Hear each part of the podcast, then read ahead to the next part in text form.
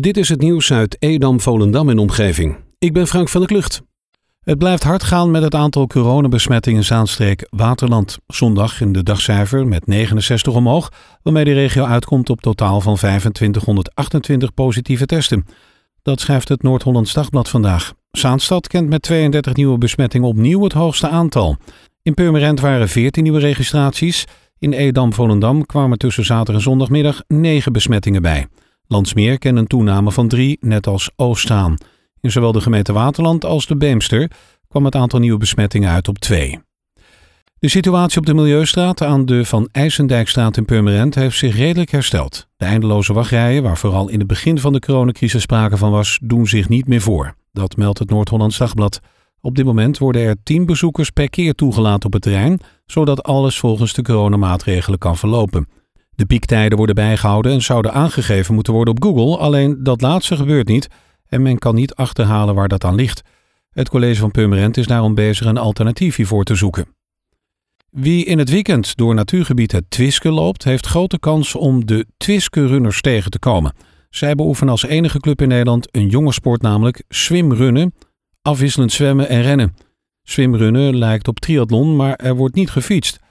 Daarnaast houden de lopers de hele tijd dezelfde kleding aan. Hulpmiddelen zijn wel toegestaan, zo hebben de swimrunners een wetsuit aan en hebben ze peddels voor de handen en drijvers mee. De verwachting van de club is dat swimrunsport nog flink gaat groeien in Nederland.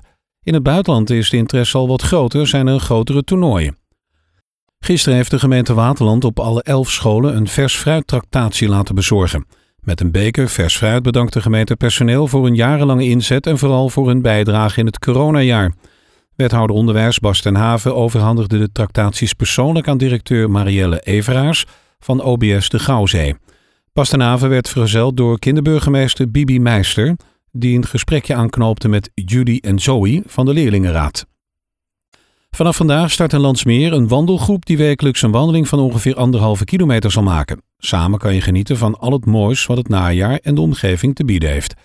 Ook met rollator of scootmobiel kan je deelnemen. Team Sportservice organiseert haar activiteiten volgens de richtlijnen van het RIVM. De talentvolle Italiaanse aanvaller Samuela Mulatiri komt tot eind van dit seizoen uit voor FC Volendam. De jeugdinternational wordt door internationale voor één jaar uitgeleend aan Volendam. Mulatiri, die woensdag zijn 20ste verjaardag viert, was in afgelopen seizoen topscorer van de Italiaanse Primavera-competitie door in 21 wedstrijden 15 goals te maken. Ook trainde hij sinds de coronahervatting nu zo'n vier maanden mee met het eerste team van de Italiaanse grootmacht.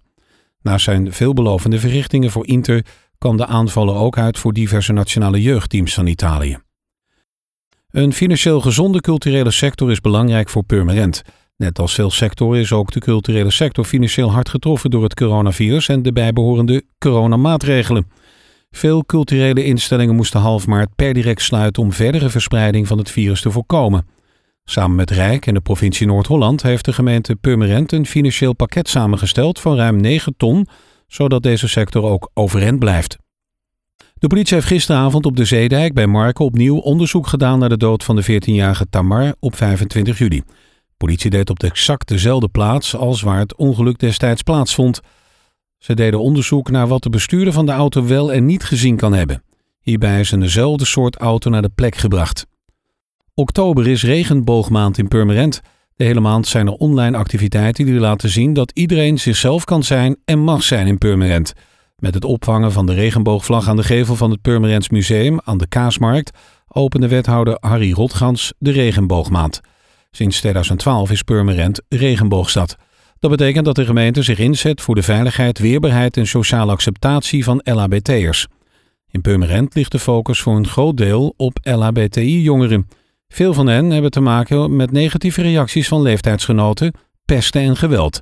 Ook zijn zij meer kwetsbaar voor bijvoorbeeld depressie en zelfmoord.